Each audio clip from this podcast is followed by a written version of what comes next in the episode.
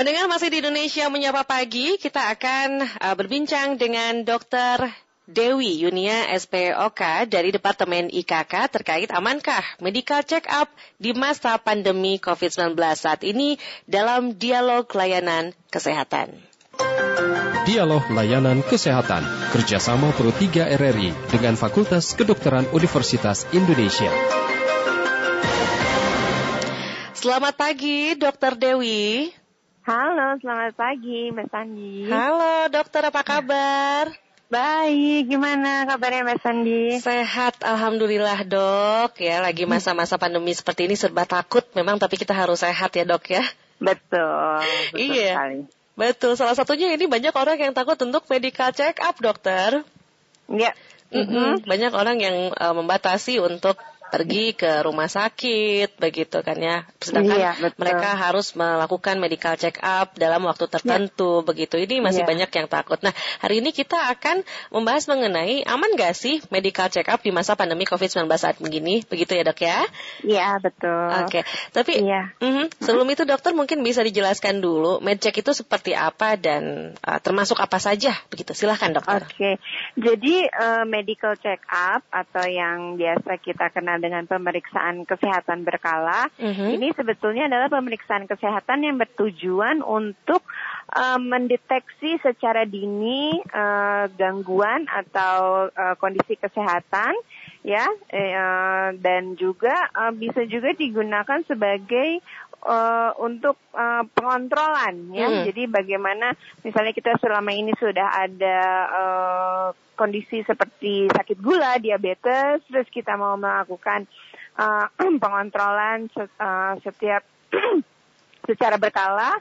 Nah itu ini juga bisa eh, dilakukan dengan eh, medical check up. Jadi intinya medical check up itu atau pemeriksaan kesehatan berkala bertujuan untuk mendeteksi dini adanya gangguan kesehatan seperti itu Mbak Sin. Mbak Mhm, Sandi. mhm. Mm. Oke, jadi memang ada jangka waktu tertentu. Itu biasanya berapa kali atau berbeda-beda, dokter? Ah, berbeda-beda. Jadi Mhm. tergantung kita eh, mau eh, tujuannya apa nih? Mm. Ya, tujuan tujuan dari medical check up yang akan kita lakukan apa? Ah, ada yang eh, medical check up khusus untuk pekerja.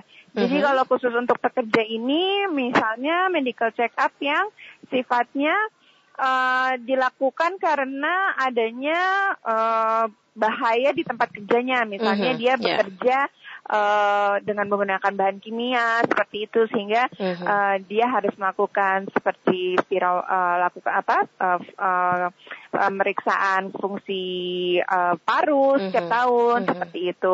Itu ada salah satu itu. Tapi ada juga em, apa, eh, medical check up yang eh, bertujuan untuk melihat yang tadi kondisi kesehatan Hmm. eh, yang sebelumnya sudah ada gangguan gitu ya Mhm. atau misalnya uh, kondisi mau men- uh, melihat uh, ya uh, gambaran kesehatan secara umum saja. Nah Mhm. itu tergantung dari um, apa uh, tujuannya. Kalau misalnya hanya untuk melihat gangguan kesehatan secara umum, Mhm. biasanya kita lihat uh, dari usianya dulu. Oke. Mau- Untuk usia yang misalnya di bawah 40 gitu ya, Mhm. itu biasanya kita dua tahun sekali cukup. Tetapi Hmm. kalau misalnya sudah di atas 40 ya, apalagi dengan riwayat keluarga eh, dengan eh, penyakit-penyakit eh, hipertensi Mhm. atau di keluarga ada gula, nah itu setiap tahun eh, bisa kita lakukan. Jadi tergantung dari tujuannya seperti apa. Seperti, Mhm. seperti itu. Mbak Sandi. Jadi memang kalau kita balik lagi ke tujuan kita masing-masing, artinya banyak Iya. sekali begitu ya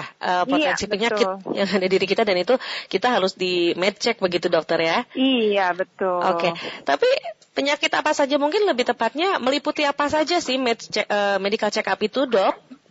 Oh, banyak sekali. Dari kalau sekarang eh, dari eh, dari kita untuk deteksi dini misalnya untuk eh, apa ya fungsi ginjal, fungsi Mhm. hati, jantung, otak itu seluruh tubuh sebenarnya sudah punya parameternya sendiri-sendiri Mhm. gitu. Jadi eh, juga penyakit-penyakit yang berhubungan dengan eh, metabolisme ya seperti eh, gula darah ya Mhm. seperti itu ya itu juga eh, punya parameternya sendiri-sendiri. Nah untuk perempuan Mhm. eh, juga ada eh, parameter untuk eh, alat reproduksi perempuan ya uh, dan juga untuk payudara ya. Mm. Kemudian juga untuk deteksi dini kita juga sudah ada screening untuk seperti uh, kanker ya, osteoporosis seperti itu. Itu memang parameternya uh, cukup banyak jadi mm-hmm. sehingga uh, sebelum kita melakukan uh, apa namanya medical check up atau pemeriksaan kesehatan berkala, mm-hmm. ada baiknya konsultasi terlebih dahulu. Okay. Jadi kita jadi kita lakukan konsultasi uh, uh, pak, uh, pemeriksaan apa sih yang cocok untuk saya gitu. Mm -hmm. Karena setiap orang uh, memiliki uh, profil yang berbeda-beda gitu kan. Ada mm -hmm. orang yang usianya masih di bawah 40 tetapi kok gaya hidup mm. gaya hidupnya misalnya sedentary yeah. ya, misalnya nggak olahraga, mm -hmm. terus juga obesitas, terus di keluarganya ada riwayat sakit gula mm -hmm. atau apa. Nah, ini yang mesti uh, yang saya mesti periksa saat medical check up akan berbeda dengan uh, orang yang um, mungkin dia memang uh, di keluarganya sehat ya mm -hmm. tidak ada mhm. kelainan mm -hmm. apa pun terus uh, dia juga bekerja juga uh, apa tidak ada risiko yang uh, tinggi kemudian dia berolahraga gaya hidupnya sehat nah itu juga berbeda gitu jadi mm -hmm. ada ada baiknya sebelum kita konsultasi, eh sebelum kita medical check up, mm -hmm. kita lakukan konsultasi terlebih dahulu gitu. Sehingga okay. paket yang kita ambil tuh tepat dan efisien gitu. Mm -hmm. gitu Jadi memang itu, Mbak. dilihat dulu hmm. riwayatnya seperti apa, riwayat kesehatannya iya. gitu. Jadi jangan sampai iya. kita langsung ah med check deh sendiri aja. Jangan begitu dok ya. iya, banyak banyak yang seperti itu. Oh, Jadi banyak yang okay. banyak yang uh, apa ya uh, istilahnya mungkin paranoid ya takut uh -uh. gitu. Terus Betul. mereka langsung melakukan melakukan semua jenis pemeriksaan gitu mm. ya sebenarnya hmm. boleh-boleh saja tetapi mm-hmm. uh, kan tidak tidak efisien ya dalam mm-hmm. artian karena ini kan sesuatu yang berkala sifatnya mm-hmm. jadi se- mm-hmm. sebaiknya memang uh, setiap uh, setiap tahun atau setiap dua tahun sekali kita harus melakukan ini gitu mm-hmm. untuk mendeteksi dini gitu mm-hmm. jadi uh, kita memang harus strategis lah untuk melakukannya Mm-hmm, Oke, okay. baik. Kalau rangkaian pemeriksaannya itu seperti apa saja? Mungkin secara general aja ya dok ya, karena okay. kan beda-beda begitu ya. Itu yeah. itu seperti apa dok? Yang pasti uh, pertama itu kita uh, pasti harus ada konsultasi dan pemeriksaan fisik oleh dokter. Uh-huh. Itu harus dilakukan baik paket pemeriksaan apa pun. Uh, kemudian biasanya kita akan dilakukan uh, pemeriksaan laboratorium ya, tergantung pemeriksaan laboratorium uh, ini bisa bisa pengambilan sampel darah, bisa pengambilan sampel dari urin ya, tergantung uh-huh. apa yang akan diperiksa dan itu biasanya masing-masing uh, parameter memiliki prasyarat syarat uh, yang berbeda-beda kayak misalnya kita mau periksa uh, kolesterol gitu ya. Mm-hmm. Uh, tentu saja kita harus puasa terlebih dahulu misalnya mm. seperti itu. Tapi ada juga yang uh, pemeriksaan hanya hematologi rutin ya. Tentu saja kita bisa langsung periksa tanpa harus ada puasa. Jadi uh, uh, yang pasti adalah sebelum kita melakukan uh, pemeriksaan itu yang tadi saya bilang selain mm-hmm. konsultasi ya dengan perjanjian gitu. Jadi uh, kita sudah tahu pukul berapa kita akan diperiksa, diambil darahnya sehingga kita bisa itu mundur jam berapa nih kita sudah mesti puasa misalnya seperti itu. Mm-hmm. Itu persiapan yang harus dilakukan gitu. Mm-hmm. Kemudian ya yang terakhir juga pemeriksaan-pemeriksaan penunjang radiologis ya. Mm-hmm. Bisa dari uh, pemeriksaan ronsen toraks ya ataupun bahkan uh, bisa uh, kalau untuk payudara yeah. uh, untuk perempuan bisa dilakukan mamografi atau uh, misalnya uh, untuk jantung bisa dilakukan treadmill seperti itu. Hmm. Gitu. Oh, Kurang okay. lebih seperti itu dan mm-hmm. nanti setelah itu hasil keluar uh, baru konsultasi dikonsultasikan hasilnya kepada dokter mm-hmm. uh, untuk uh, tindak lanjutnya, follow up-nya. Jadi follow apakah apa, ya? dengan ha, dengan hasil seperti ini follow up yang harus dilakukan apa nih gitu? Hmm. Apakah um, masih observasi saja, masih dalam batas normal misalnya gitu ya, hmm. atau uh, ataukah sudah mesti uh, kita follow up untuk uh, dirujuk ke penyakit dalam misalnya hmm. untuk diperiksa lebih lanjut karena medical check up atau pemeriksaan kesehatan berkala ini sifatnya adalah screening bukan hmm. diagnosis okay. ya jadi uh, hanya screening apakah uh, ada uh, ada indikasi ke arah penyakit itu nggak ya gitu. Mm -hmm. Nah nanti kalau misalnya ternyata indikasinya kok uh, ada berat misalnya ke arah uh, gula, sakit gula ya nanti yang akan mendiagnosis adalah dokter penyakit dalamnya mm-hmm. gitu. Jadi medical check up ini memang sifatnya adalah screening seperti itu. Hmm, Oke, okay. untuk langkah antisipasi okay. begitu dokter ya? Iya betul. Oke okay, baik. Sebelum kita lanjut, saya mau undang pendengar untuk uh, bertanya sama dokter Dewi Yunia. Okay. Silahkan pendengar ya. Anda uh, bisa telepon di 021 352 3172, 021 384 4545 dan di 021 386 6712. Kita sudah uh, ada penelpon pertama dari Jakarta nih dok ya, ada Pak Nur Hadi. Selamat pagi Pak Nur Hadi. Terima kasih, selamat pagi Mbak. Ya, silakan Pak Nur Hadi. Selamat pagi dokter. Selamat pagi Pak Nur Hadi. Iya, terima kasih dok.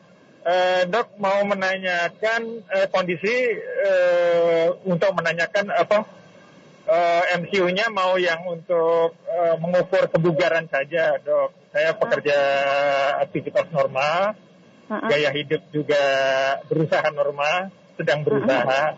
Uh -uh. nah uh, selama ini uh, ngikutin check up sederhananya di donor darah aktif, dokter. Uh, tidak pernah tertolak dan sudah lebih dari uh, belasan begitu ya selalu ini. Nah, kalau mau MCU, karena uh -huh. tadi pilihannya paketannya banyak ya dokter ya, kira-kira uh -huh. uh, untuk mengetahui uh, kebugaran ini uh, mesti yang cek apa lagi selain yang cek uh, golongan darah apa uh, donor darah tadi dan kemudian perlukah di lab.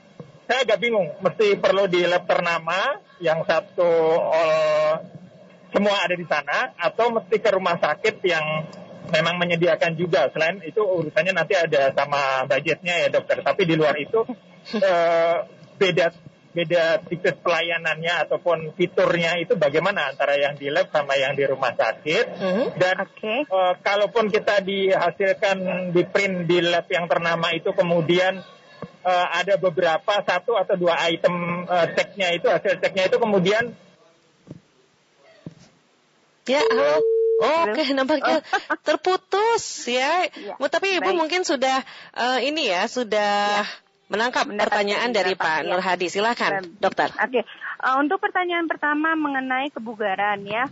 Kalau di kalau yang dimaksud dengan Pak Nur Hadi adalah kebugaran uh, jantung dan paru, itu mm -hmm. sebenarnya kita bisa melakukan pemeriksaan yang namanya treadmill. Treadmill ya. ya? Jadi, ha, jadi treadmill test itu uh, uh, kita bisa uh, jadi nanti menggunakan treadmill kita uh, awalnya kita jalan nanti lama-lama lari nanti di situ kita akan keluar uh, hasil uh, berapa kebugaran kita kapasitas fisik dari jantung paru kita mm -hmm. itu itu itu kalau yang dimaksud dengan uh, kebugaran yang uh, Pak Nur Hadi mungkin tanyakan ya yeah. tapi mm -hmm. kalau misalnya memang uh, hanya uh, pemeriksaan uh, fisik umum sebenarnya ya tadi yang saya bilang uh, kita lihat lagi uh, apa apakah di di riwayat uh, keluarga Pak Nur Hadi sebelumnya ada sakit jantung atau gula yaitu sebenarnya bisa, dengan uh, pemeriksaan lab uh, laboratorium misalnya darah seperti uh, uh, profil uh, lemak, profil mm -hmm. kolesterol ya, profil gula darah, uh, uh, asam urat ya seperti itu. Uh, kemudian untuk jantungnya bisa menggunakan untuk EKG itu mm -hmm. itu biasanya yang paket uh, apa ya uh, paling paling umumnya lah yang mm -hmm. yang biasa orang uh, gunakan gitu. Tapi kalau misalnya ingin tahu memang seberapa seberapa besar sih kapasitas saya misalnya misalnya bapak mau melakukan misalnya hiking ke mana gitu ya terus mm -hmm. mau tahu nih saya bisa apa enggak nah kita bisa coba dengan si treadmill test itu misalnya mm -hmm. seperti itu mm -hmm. kemudian yang kedua uh, pemeriksaannya di mana sih uh, apakah lebih baik di lab ternama ya apakah di rumah sakit gitu ya nah di masa pandemi seperti ini um, memang saya menyarankan uh, di tempat yang uh, menyediakan fasilitas yang terpisah. Dalam artian mereka memisahkan antara uh, fas, uh, antara servis untuk uh, orang sakit mm -hmm. ya. Mhm, Jadi mhm. misalnya oh, ada ada orang yang sakit dengan gejala dengan fasilitas orang yang uh, ingin medical check up dalam artian mereka Mhm. tidak ada gejala sama sekali gitu. Oke. Jadi uh, kita harus memperhatikan itu Ya. uh, mau di lab ataupun mau di rumah sakit yang penting itu. Yang kedua Mhm. biasanya uh, kita uh, juga akan diminta melakukan paling tidak swab antigen terlebih dahulu untuk Mhm. memastikan bahwa kita uh, tidak ada indikasi ke arah COVID sehingga Mhm. kita bisa masuk ke jalur yang um, untuk uh, orang-orang yang non COVID gitu. Hmm, Jadi oke. kita bisa masuk sana. Jadi harus harus dibedakan. Nah, uh, bedanya apa lagi kalau misalnya dengan kalau kita masuk di apa periksa di lab dengan di rumah sakit sebenarnya uh, yang kita cari itu adalah uh, kalau kita ngomongin lab ya pemeriksaan lab uh, itu adalah uh, uh, apa terakreditasi atau tidak.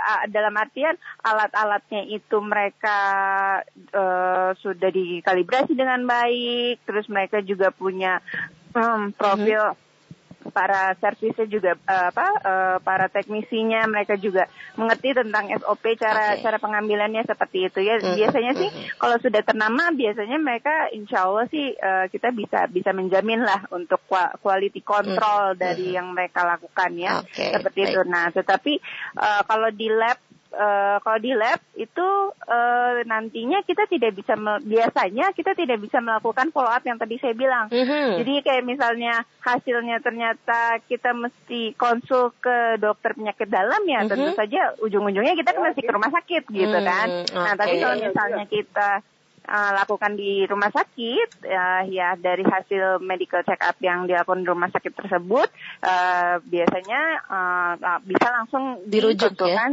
iya Oke. di dokter yang yang ada di rumah sakit Baik. tersebut. Oke, Seperti baik. itu. Oke, Dok, ada penelpon selanjutnya. Ada Pak Wijaya di Lombok. Oh, nampaknya terputus ya Pak Wijaya. Mohon maaf sekali nampaknya. Silakan Pak Wijaya untuk menelpon kami kembali, tapi kita jeda dulu sesaat Bu Dokter karena Ya. em, kita akan menuju ruang gatekeeper akan ada beberapa informasi yang diberikan langsung oleh rekan saya Angelica Manda.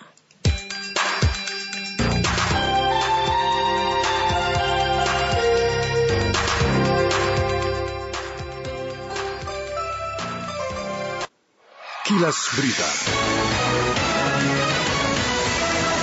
Manda, ada informasi apa? Ya, Sandy dan juga pendengar memasuki musim penghujan. Di tahun ini pemerintah DKI Jakarta menyiagakan ratusan unit pompa untuk mencegah banjir. Dan nantinya pompa yang terdiri dari 480 pompa permanen atau stasioner dan 327 pompa portable akan ditempatkan di 180 titik di Jakarta. Dan informasi selengkapnya bisa Anda baca di rri.co.id. Ya baik, terima kasih atas informasinya Angelika Manda dan pendengar Anda silahkan untuk memberikan pertanyaan kepada eh, narasumber kita hari ini Dr. Dewi Yunia terkait amankah medical check up di masa pandemi COVID-19 seperti ini. Ya silahkan Anda menelpon di 0213523172 di 0213844545 dan 0213866712. Baik, halo dokter.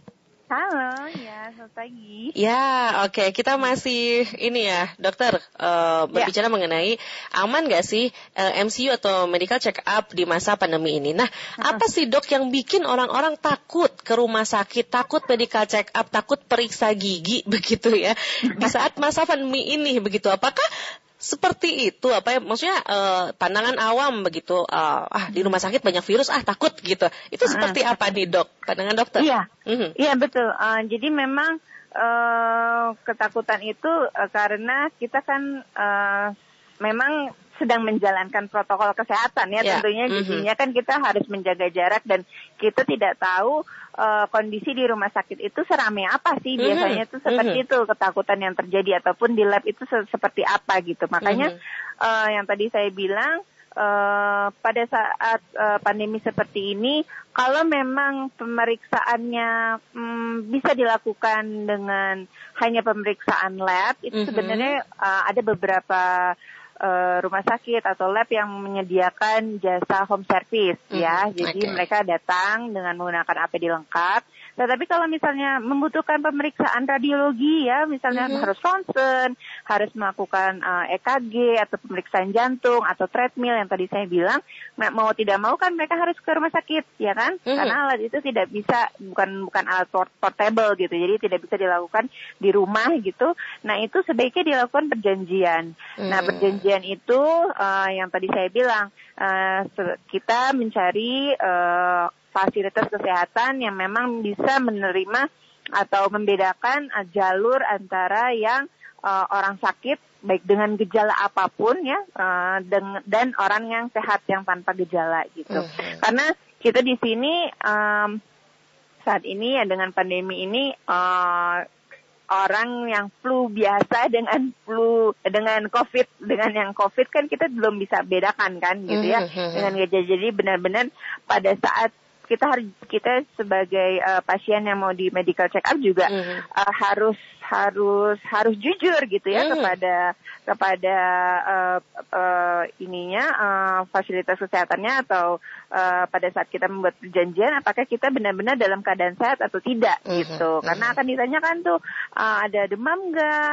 ada batuk pilek Mhm. seperti itu gitu dan memang untuk pemeriksaan kesehatan berkala ini sangat disarankan ketika kita sedang fit jadi justru ki- pada saat kita sedang dalam keadaan uh, baik ya, dalam Mhm. keadaan sehat gitu, baru kita bisa melakukan uh, pemeriksaan kesehatan berkala ini atau. MCU ini. Kalau kita sedang flu, sedang rasa kerjaan lagi banyak dan Mhm. rasa nggak enak badan gitu, itu sebaiknya ditunda Oh, gitu. oke. Jadi, heeh, jadi kayak kayak misalnya kita ngerasa, eh, aduh kok kayaknya badan kita nggak nggak ini ya, kayak rasa kayak mau flu tapi belum flu nih, nggak nggak ada nggak ada batuk nggak ada apa gitu. Sebaiknya kita tunda, kita istirahat dulu, baru pada saat sudah fit kita eh, bikin janji lagi untuk Mhm. pemeriksaan kesehatan. Mhm, Seperti Oke, itu. baik, dok. Beberapa pemeriksaan begitu ya Mhm. uh, Mhm. me- mengharuskan pasiennya menggunakan APD yang sekali pakai. Apakah memang Hmm. seperlu itu, dok? Iya, betul. Jadi eh, bahkan ada beberapa pemeriksaan yang saat ini sebenarnya em, kalau bisa ditunda ditunda dulu, tetapi Mhm. kalau memang harus dilakukan, ya harus dilakukan dengan protokol khusus. Contohnya adalah pemeriksaan fungsi paru yang kita sebut sebagai pemeriksaan spirometri. Mhm. Karena penggunaan spirometri itu adalah kita harus eh, pemeriksaannya itu kita harus menghembuskan nafas sebesar sekuat-kuatnya dan sepanjang-panjangnya. Bayangkan kalau pasien tersebut ternyata ada COVID-nya, Iya. gitu kan ya. Serem ya. Nah itu, Mm-mm. Ha-ha, jadi eh, untuk pemeriksaan yang khusus seperti itu eh, tidak semua fasilitas kesehatan eh, bisa melakukan di saat eh, pandemi COVID ini. Kalaupun eh, mereka bisa, mereka harus eh, benar-benar eh, melakukan dengan protokol khusus. Jadi Mhm. harus di ruangan yang terbuka, Mhm. jadi jendelanya tuh harus uh, ventilasinya harus bagus segala macam gitu. Jadi uh, untuk melindungi tenaga kesehatan juga kan. Mhm, Uh, ya. Jadi kita melindungi dua sisi nih, melindungi tenaga kesehatan maupun Mhm. melindungi uh, si pasiennya itu sendiri gitu. Jadi Mhm. uh, baik tenaga kesehatan maupun pasien ya sebisa mungkin tetap melakukan protokol kesehatan pada saat melakukan pemeriksaan Mhm. uh, kesehatan. Mhm, Jadi Seperti bukan itu. hanya yang memeriksa menggunakan APD, tapi kita juga diharuskan menggunakan APD juga, begitu dokter ya? Betul, jadi dua Oke. sisi kita lindungi. Oke, Seperti baik. itu. Oke, baik. Kita ada penelpon selanjutnya dari Lampung. Ada Pak Toha. Selamat pagi, Pak Toha. Pagi, Mbak. Assalamualaikum. Waalaikumsalam. Silakan Pak Toha. Ini mau Halo, tanya, selamat pagi. Ya, ya pagi Bu Dokter. pagi Pak Toha. Gimana dok Pak? Ya ini mau tanya masalah alergi makanan itu. Mm-mm. Saya suka, saya suka bau itu juga mual gitu. Mual. Obatnya iya. Gimana Oh, gitu? oke. Oke, baik, Oke. baik. Itu saja Pak Toha ya. Oh ya, makasih. Assalamualaikum. Waalaikumsalam warahmatullahi wabarakatuh. Oke, mungkin agak bergeser dari topik, tapi penasaran ya. Silahkan dijawab aja, Bu Dokter. Ya. Iya nggak apa-apa. Mhm. Sebenarnya kalau untuk alergi itu juga ada untuk pemeriksaan kese- ada pemeriksaan ada ya bukan pemeriksaan ya deteksi dininya juga loh. Jadi Oh, Eh, jadi kalau untuk alergi makanan nih Mhm, ya, mhm. eh, kita bisa eh, melakukan pemeriksaan yang namanya eh, skin prick test ya. Jadi Ya. nanti di situ eh, kita akan eh, tes uh, makanan atau protein-protein apa aja sih yang kita alergi gitu. Jadi kayak Mhm. kalau kita selama ini kan kita mendu- menduga-duga ya, kayaknya dari telur deh, kayaknya Mhm, dari udang kacang. deh, kayaknya dari heeh, Mhm. gitu. Nah, Nah ini bisa nih dilakukan uh, deteksi dini sebenarnya. Uh, jadi kita uh, bi- bisa melakukan hal itu, uh, bisa, uh, bisa konsultasikan dulu. Aha. Nanti akan di, uh, kita akan dites uh, protein-protein apa saja yang kita uh, alergi. Jadi ketahuan benar-benar gitu ya. Obatnya apa Nah, katanya dokter? Tadi Pak Toha Nah. tanya. Kalau uh, alergi ya obatnya anti alergi, tergantung uh, uh, sebenarnya alerginya gejalanya apa. Alergi itu gejalanya bisa ke kulit, Mhm. dalam artian kulit gatal-gatal, Mhm. bisa ke saluran pernafasan, jadi bersin-bersin, jadi uh, apa namanya um, rinitis tuh uh, apa pilek ya Mhm. seperti itu. Terus bisa juga jadi asma. Tapi biasanya kalau untuk makanan itu uh, alerginya itu uh, jatuhnya ke kulit biasanya ya. Hmm, jadi dia uh, gatal-gatal ya kita bisa menggunakan antihistamin ya obatnya. Antihistamin, nanti oke. untuk uh, untuk dosis segala macam tergantung dari uh, derajat uh, alerginya seperti apa kalau Mhm. masih ringan ya Mhm. tentu kita dosisnya menyesuaikan tetapi Oke. kalau mas kalau sudah berat nanti perlu dikonsultasikan saja langsung ke Oke. dokternya gitu Baik, luar biasa. Aduh, Dokter Dewi jadi makin pintar kita ya, tahu banyak hal. Apalagi memang di masa pandemi eh, COVID-19 ini kita harus memang eh, memperkaya ilmu akan dunia kesehatan gitu. Jadi jangan sampai kita betul mempelajari ya Mm-mm, begitu. Yaudah dokter, terima kasih banyak atas waktunya sudah eh, berbincang di dialog layanan kesehatan di Pro 3, dokter. Oke, terima kasih banyak Mas Andi. Mm-mm. Semoga membantu. Amin, terima kasih. Selamat pagi. Sehat semua ya. Amin. Salam sehat. Salam sehat, salam tangguh. Selamat pagi Bu Ya, Dewi. Pagi, pagi. Ya, demikian pendengar bincang kita dengan eh, Dr. Dewi Yunia SPOK dari Departemen IKK di Dialog Kelayanan Kesehatan eh, COVID-19. Terima kasih untuk Anda yang sudah ikut em, berpartisipasi memberikan pertanyaan pendengar di Dialog Layanan Kesehatan pada pagi hari ini. Sesaat lagi jelang pada pukul 10 waktu Indonesia Barat kita akan simak Warta Berita pukul 10. Demikian dialog layanan kesehatan kerjasama Pro 3 RRI dengan Fakultas Kedokteran Universitas Indonesia. Acara ini bisa Anda dengarkan setiap Senin sampai dengan Jumat pukul 9.30 waktu Indonesia Barat.